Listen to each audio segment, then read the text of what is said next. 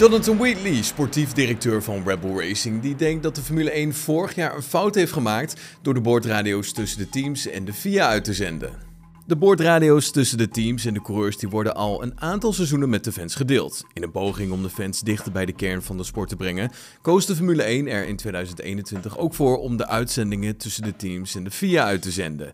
Hoewel dat op dat moment misschien een goed idee leek, werden de gesprekken in de loop van de jaren steeds controversiëler. Ook de gebeurtenissen in Abu Dhabi werden niet geholpen door de publieke druk die door Rebel Racing en Mercedes werden uitgeoefend op race-directeur Michael Masi. Ik denk dat het aan de kijker is om te beslissen of het iets toevoegt, vertelt Wheatley bij de Jack Travel Show. Persoonlijk denk ik dat het een vergissing was om het uit te zenden.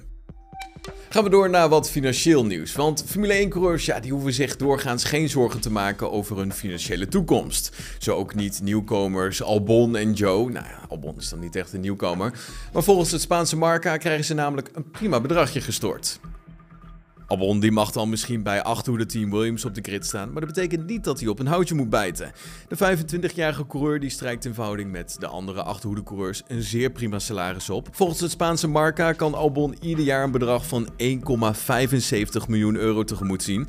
Met dit salaris zit hij nog wel achter coureurs als Esteban Ocon en Pierre Gasly, maar voor rijders Yuki Tsunoda en Mick Schumacher. Albon heeft op dit moment een contract voor één seizoen bij Williams. Ja, Joe die zal zich natuurlijk nog eerst een beetje moeten bewijzen in de Formule 1. En daarom is de 22-jarige Chinees qua salaris toch een stukje lager ingestoken dan bij Albon. Alfa Romeo maakt jaarlijks een bedrag van zo'n 850.000 euro over naar zijn bankrekening. En hiermee laat Joe alleen Tsunoda achter zich, die na verluid slechts 650.000 euro gestort krijgt. Dat was hem dan het nieuws van vandaag. Heb je genoten van deze aflevering? Laat van je horen op onze Apple Podcast pagina of volg ons op Spotify zie ik je morgen weer. Tot dan. Hoi.